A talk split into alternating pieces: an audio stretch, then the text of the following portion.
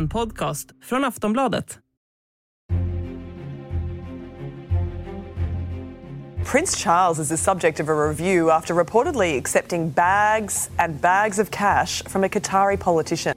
This is not a good look for the future king. This is a bad, bad look.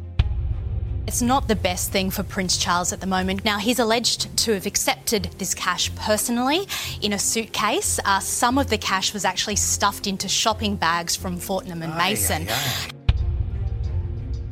Ja, det stormar i det brittiska kungahuset. Igen. Och den här gången tar det avstamp i tre väskor fyllda med mer än 32 miljoner kronor i kontanter som ska ha tagits emot av ingen mindre än prins Charles.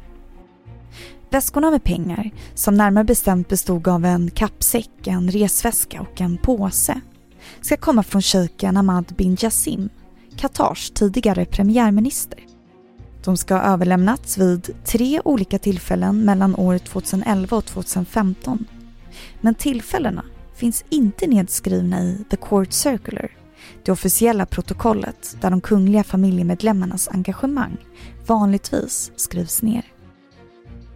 Pengarna ska direkt ha förts in i en av prins Charles välgörenhetsfonder men just sättet som de levererades på väcker ändå många frågor. Varför levererades de som kontanter i väskor istället för genom en vanlig banköverföring? Varför finns händelserna inte nedtecknade i det berömda protokollet vad är prins Charles relation till shejken Hamad bin Jassim?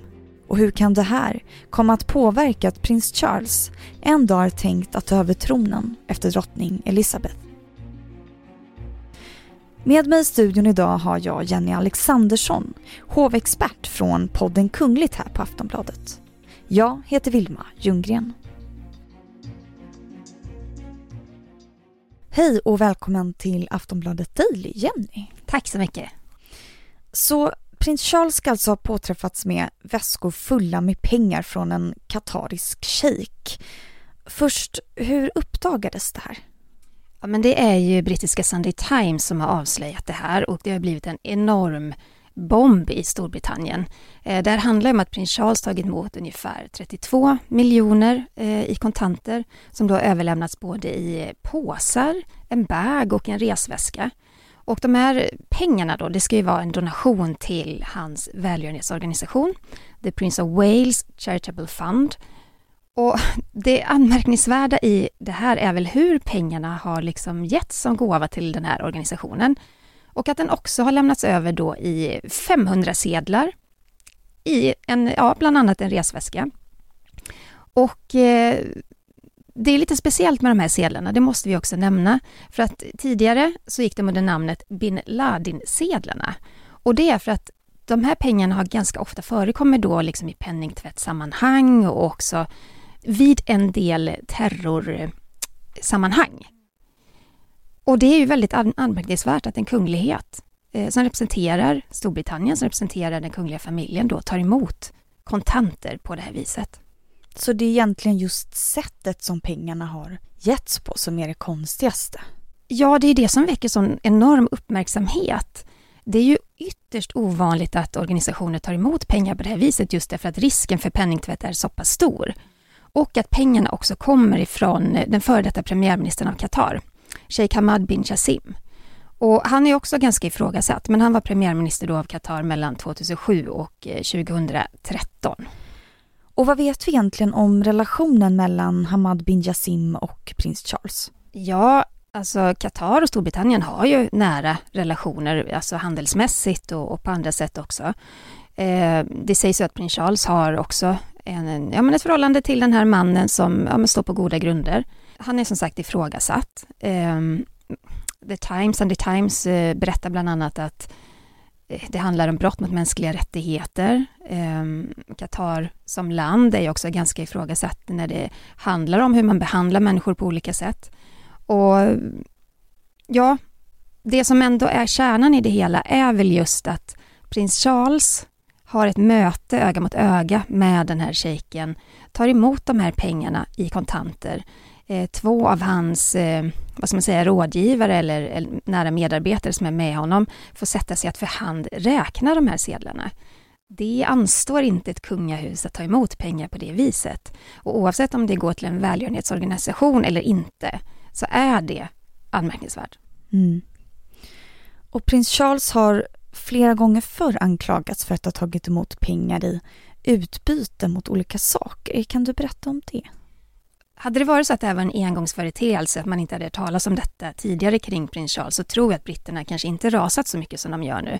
Att man kanske hade accepterat en förklaring och, och låtit eh, liksom, rättsstaten ha sin gilla gång. Men det är också så att en annan av hans organisationer, The Prince Foundation, just nu undersöks av Metropolitan Police. Därför att om, jag tror det var drygt ett år sedan, så kom det fram då att eh, man misstänkte att den organisationen hade någonting kring cash for honors att göra. Och man kanske ska förklara det. Cash for honors betyder att i utbyte mot stora summor pengar så kan man få stora fördelar. Det kan handla om, som i det här fallet med The Prince Foundation, misstankar om att en saudisk miljardär fått både då riddarskap och också eh, en gräddfil till medborgarskap i Storbritannien. Och det där är ju ytterst allvarligt. Sånt där ska ju det ska inte få förekomma och absolut ska inte kungafamiljen ha någonting med, med det där att göra. Och eh, han som var chef för The Prince Foundation, Michael Fawcett, är då en nära vän till prins Charles och han har varit chef för den här organisationen en längre tid. Han påstås då ha lovat den här miljardären då, som sagt, medborgarskap och en adlig titel. Och den undersökningen är inte klar ännu. Men Michael Fawcett, han har avgått som chef och brittiska hovet då förnekar ju all kännedom kring det här. Det är ju så de brukar göra helt enkelt. Men eh, sen handlar kritiken också om att prins Charles ja, men tidigare också blivit förknippad med ja, men suspekta affärsmän och kungligheter, prominenta människor från andra länder som kanske inte har rent mjöl i påsen. Och, och det där är också en balans som kungligheter hela tiden måste förhålla sig till. Eh, ibland kanske man måste ha kontakt med en annan statschef som är lite ifrågasatt, men att man gör det på ett sätt eh, där varken kungahuset eller liksom landet man representerar ifrågasätts. Man kanske måste ha diplomatiska förbindelser men, men eh, på ett sätt som gör att det görs på ett snyggt sätt. Så du skulle säga att troligtvis är det brittiska folket rätt trötta på det här? Jag tror att de är enormt trötta på det här och jag tror att de är enormt trötta på de här skandalerna som hela tiden framkommer. Men vi, vi kan ju säga det också att eh, den undersökning som pågår nu då kring prins Charles, alltså man har inte, och Sunday Times har inte heller liksom påvisat att det är ett brott som är begånget. Eh, I bästa fall så är det här en ärlig donation, det är bara att man överlämnat pengar på ett väldigt, väldigt udda vis. Men i värsta fall så är det en muta, eller ett sätt att tvätta pengar. Och då är det ju ett grovt brott. Och brittiska kungahuset själva då? Har de kommenterat de här anklagelserna eller vad är deras hållning? Nej, alltså brittiska hovet har ju kommenterat händelsen. De säger att dessa donationer har kontrollerats utan anmärkning. Eh, de säger att pengarna förts vidare direkt till de projekt som de var ämnade för. Ehm, men det finns ju många frågetecken. Det är också det att eh, när då den här eh, före detta premiärministern av Qatar har haft de här mötena med prins Charles så finns inte det antecknat någonstans. Och I vanliga fall så, så dokumenterar man sådana här stora möten i The Court Circular, alltså det är som ett slags officiellt protokoll helt enkelt. Ehm, det har man inte gjort vid de här fallen och eh, prins Charles sägs då ha träffat honom ungefär vid tre tillfällen om jag minns rätt. Och i vanliga fall så finns det också någon som är med och antecknar vad som sägs under mötena. Ehm, det är ju av intresse liksom för eh, utrikesdepartementet också. Men ingen har då varit närvarande och gjort de här anteckningarna vid mötena. Och det ifrågasätter man ju också. Mm, varför man inte har gjort det. Mm. Aftonbladet Daily är snart tillbaka. Tired of ads barging into your favorite news podcasts? Good news. Ad-free listening is available on Amazon Music for all the music plus top podcasts included with your Prime membership. Stay up to date on everything newsworthy by downloading the Amazon Music app for free or go to amazon.com slash news ad free. That's amazon.com slash news ad free to catch up on the latest episodes without the ads.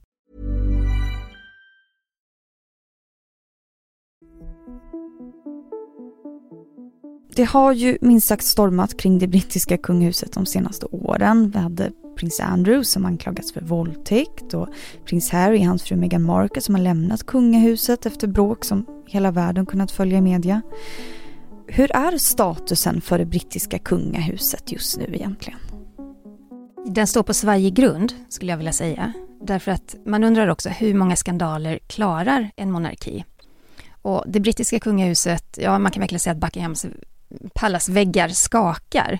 Och man går hela tiden och väntar på, men det här är beslutet, nu kan det inte hända någonting mer.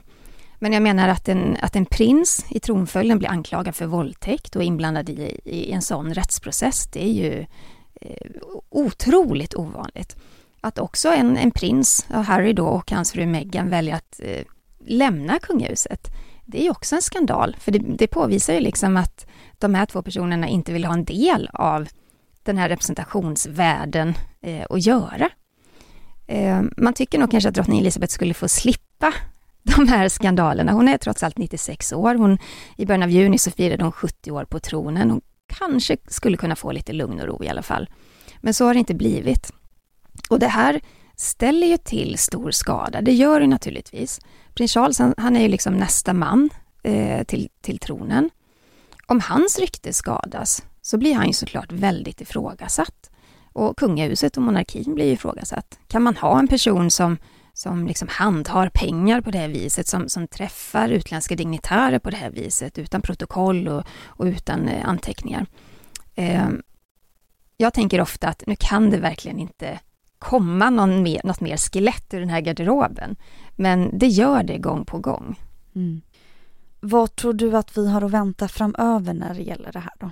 Vi har en rättsprocess att vänta. Dels den som pågår just nu mot eh, den här första organisationen som kom, hamnade i blåsväder där en saudisk miljardär då eh, gett prins Charles eh, organisationer pengar i utbyte, vad man tror då är medborgarskap och eh, ett riddarskap. Eh, sen då rättsprocessen eller undersökningen som Metropolitan Police håller på med då med den här organisationen. Eh, man hoppas ju få svar ganska snart vad det är som pågår. Men annars tror jag att vi har att vänta, ja, man får ju bara hålla tummarna att det inte kommer någon ny skandal, för jag är också lite orolig för drottning Elisabeth. Eh, hon är gammal, hur mycket ska hon orka med? Det här handlar ju inte bara om hennes familj, det är inte bara en privat angelägenhet, utan det här handlar ju också om framtiden och kungahuset och monarkins vara eller icke vara i Storbritannien. Sen är det ju så att drottning Elisabeth är ju oerhört älskad och populär i Storbritannien. Det kanske inte kommer bli på samma sätt när hennes son prins Charles tar över och det är någonting som kungahuset och hovet också måste hantera på ett klokt sätt. Då säger jag tack så jättemycket Jenny Alexandersson för att du gästade Aftonbladet Daily. Tack. Du har lyssnat på Aftonbladet Daily med Jenny Alexandersson, hovexpert här på Aftonbladet. Och med mig, Vilma Ljunggren. Tack för att du har lyssnat så hörs vi snart igen. Vill du höra mer om allt kring världens kungligheter så ska du lyssna på podden Kungligt med Jenny Alexandersson och Sara Eriksson. Du hittar den i Aftonbladets app eller i din poddspelare.